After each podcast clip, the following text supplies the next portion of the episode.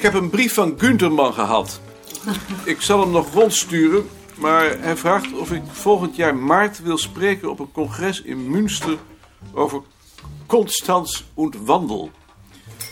Ik zou dan op grond van Nederlandse boedelbeschrijvingen een overzicht moeten geven van de pieken en dalen in de aanschaf en verspreiding van nieuwe voorwerpen sinds 1600 en die dan afgezet tegen de economische conjunctuur.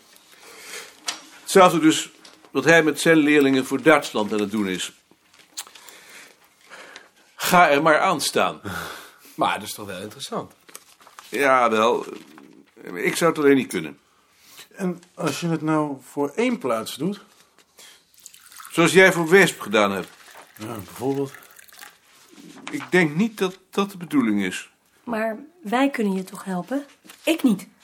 Ik bedoel, Frits, Rie en ik. Ik wil ook wel helpen. Ik ook. Jawel.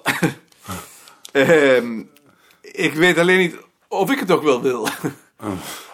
Ik vind dat Gunterman te eenzijdig de nadruk legt op vernieuwingen en processen. Terwijl het mij nou juist gaat om wat de mensen willen behouden, omdat het hen, of liever hun groep, identiteit geeft. Ik, ik, ik, ik vind vertragingen interessanter dan versnellingen. En je hebt nu juist altijd gezegd dat we in tegenstelling tot vroeger eh, eh, processen moeten bestuderen. Vertragingen in processen. Tradities zijn in feite vertragingen in processen. Dat is ons vak. Kun je daarvan ook een voorbeeld geven? Ehm, jawel. Wat Frits heeft gedaan met dat oerijzer bijvoorbeeld. Oh ja. Als in de stad in de 18e eeuw, in een periode van welvaart, het oerijzer vervangen door een moderner hoofddeksel, houden de boeren, die het in die tijd juist slecht gaat, eraan vast. Dat oerijzer geeft hun zelfbewustzijn. Ze hoeven het nog niet te verkopen. Ze zijn er nog. En als het hen dan later goed gaat, blijven ze het dragen. Dan geeft het hun identiteit. Ze zijn boeren en ze willen dat weten. Tot ze in de loop van de 19e eeuw geen boer meer willen zijn, maar op burgers willen lijken. Dan leggen ze het af. Vind ik een prachtig voorbeeld. Je. Dus als ik de verspreiding van fanfares en harmonieën bestudeer, is dat eigenlijk ons vak niet. Ja, ik voel me ook wel een beetje verneukt. Oh, excuus. Dus studeer je die dan niet omdat het nu tradities zijn geworden? Ja, natuurlijk. Kijk maar naar die gekke pakjes die ze dragen en al die formaliteiten. Jij kijkt hoe die traditie ontstaan is en dat geldt ook voor Gert. Dat staat trouwens in mijn beleidstuk dat jullie allemaal uit je hoofd kent, hoop ik. Zo kun je overal wel een draai aan geven. Dat kun je ook. Dat is de bedoeling zelfs. ik wou dus aan Gunterman schrijven dat ik geen overzicht kan geven in de veranderingen in de Nederlandse materiële cultuur, maar dat ik wel iets wil zeggen over boedelbeschrijvingen als bron voor de kennis van groepsvorming en groepsgedrag. Als me dat lukt, tenminste. Dat sluit ook aan bij het pleidooi dat ik in de tijd in Münster heb gehouden. Wat wij doen is in feite mentaliteitsgeschiedenis. Traditie en identiteit. Wie is het daar niet mee eens? Lien. Het lijkt me wel goed. Frits? Mij ook. Ik denk dat het zo moet. Sien? Ik zeg niets meer. Ik heb al vaak genoeg gezegd hoe ik erover denk. Jij vindt dat we ons alleen met regionale verschillen moeten bezighouden. Ja, maar je luistert daar toch niet naar. Je vindt het ook niet nodig dat het vak zich ontwikkelt. Zolang er nog zoveel vragenlijsten liggen die we nog niet bewerkt hebben. Freek. Ik ben toch geen onderzoeker? Oh, nee, nee, neem me niet kwalijk. Rie? Het kan me niet schelen. Het kan je niet schelen. Ad? Eh, Ik zie niet zoveel in die massa's gegevens en die grote lijnen. Ik blijf maar liever wat dichter bij huis. Gert? Ik vind het schitterend natuurlijk. Eve? Ik ook. Jaring? Ik sluit me dit keer maar bij Ad aan. Je blijft met je benen op de grond. Zo zou je het kunnen noemen. Dan zal ik het zomaar doen. Maar ik laat de brief nog rondgaan voor ik hem verstuur. Dus iedereen kan me er nog op aanspreken. Mag ik nog iets vragen? Hoe staat het nu met die advertentie voor de nieuwe directeur? Het schijnt dat hij er al is, maar dat hij pas in het najaar geplaatst wordt. Er staat er nu ook in dat hij maar voor vijf jaar wordt aangesteld. Dat weet ik niet. Frits, misschien dat jij daar in de IR naar kunt vragen? Ik zal het doen. En zeg dan ook dat de snijmachine bot is.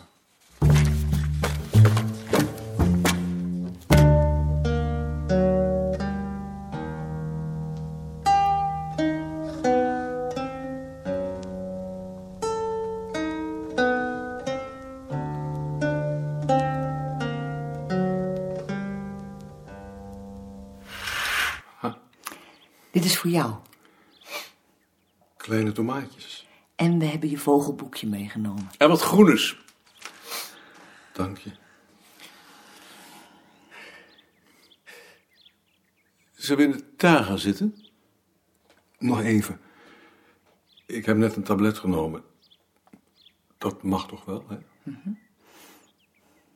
Hoe gaat het nu? Ik ben maar zelf van zes op acht tabletten overgegaan. Maar ben je dan niet bang dat je er te veel aan went? Ja hoor, dus als ik pijn heb, dan is alles geoorloofd. Niet waar? Je voet lijkt me wat dunner. Ja, dat dacht ik eigenlijk ook.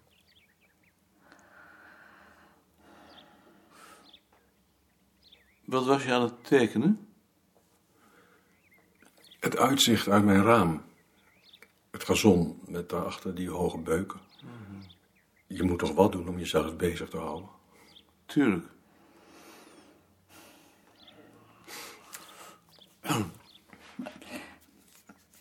Weet je nu al wanneer je weer chemotherapie krijgt? Ze hebben het nu over begin september. Oh. En kun je dan hier weer terug? Er is sprake van dat ik dan in het huis van Kees kan en dat hij voor me zorgt. Oh, dat zou wel fijn zijn. Ja, dat dacht ik ook.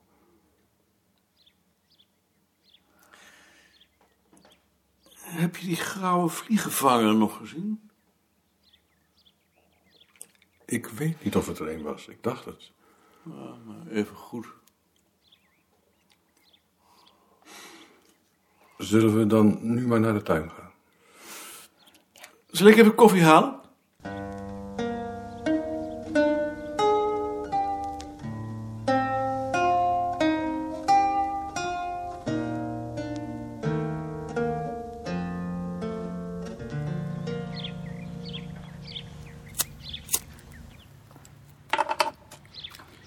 Die vrouw in dat witte broekpak heeft er bij de directie bezwaar tegen gemaakt dat ik mijn ondergoed in de waskamer was. Ze beweerden dat mijn emmertje naar poep stonk. En dat deed het niet. Ze hebben het nagegaan en het was het emmertje van een oude demente vrouw. Ze vinden natuurlijk gewoon dat een man daar niet hoort. Omdat zij er hun BH's en hun broekjes willen hangen. Is er hier dan geen wasserij? Nou wel. Maar ik laat mijn ondergoed niet door een ander wassen. Of zouden jullie dat wel doen? Als je ziek bent. Wordt het dan nu eindelijk zomer? Ja, het wordt eindelijk zomer. Oude hoer. Ja, dat is verschrikkelijk. Zodra ze je zien, beginnen ze te kletsen. Als je niet oppast, heb je geen ogenblik rust. Terwijl het toch een rusthuis is. Zijn er eigenlijk nooit ruzies? Daarvoor zijn ze er tekort. Als ze een half jaar waren, dan zou het pas echt leuk worden.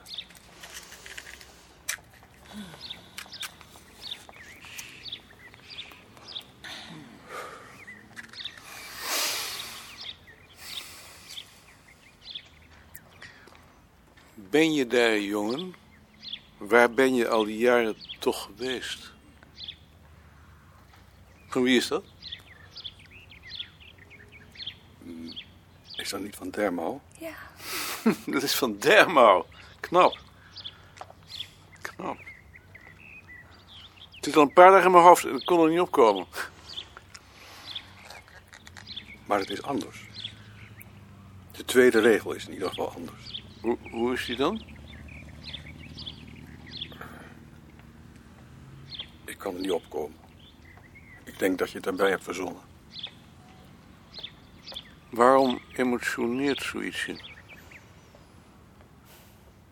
Misschien als de verloren zoon. Ik heb me juist altijd met die oudste zoon geïdentificeerd. Die zal zich toch ook wel verloren hebben gevoeld? Zou het niet? Je denkt dus dat het mijn vader is? Of God. Maar dat is hetzelfde. Niet waar? Zo is het toch? Nou, ik weet het niet hoor. Ik denk inderdaad aan een soort oervader die in een tijdeloze ruimte zit. waar ik thuis kom.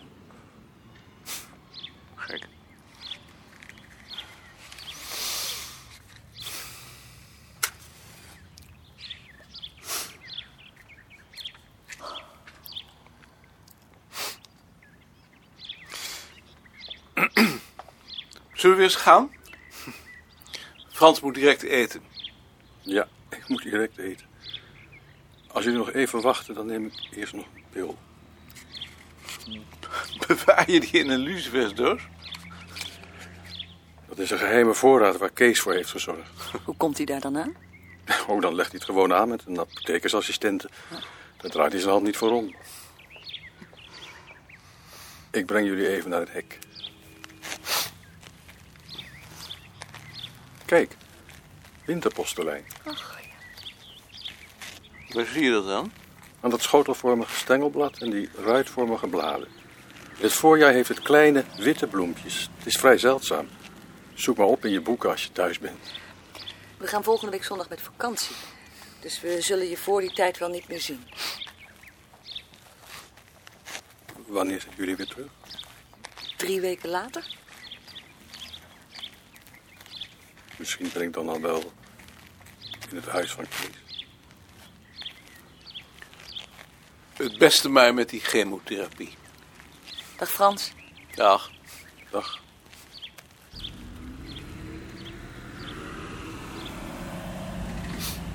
Ik vond hem nu weer heel moedig. Vond je niet? Ja, moedig. Ja. Nee, dat gepraat over zijn ondergoed staat me altijd tegen. Ja, dat is nu eenmaal een eigenaardigheid van hem. Dat weet ik.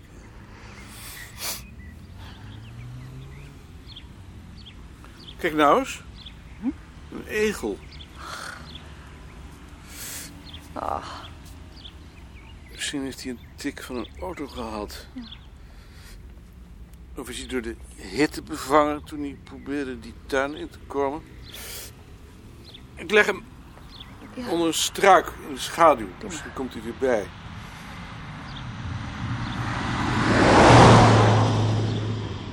ach, nog een egel. Ja, Moeten we die niet aan de kant van de weg leggen? kan nog niet meer. Hij zit helemaal vastgekoekt. Dat je nog in een auto kunt gaan zitten als je zoiets gezien hebt, dat, dat deugt toch niet? Nee, natuurlijk niet.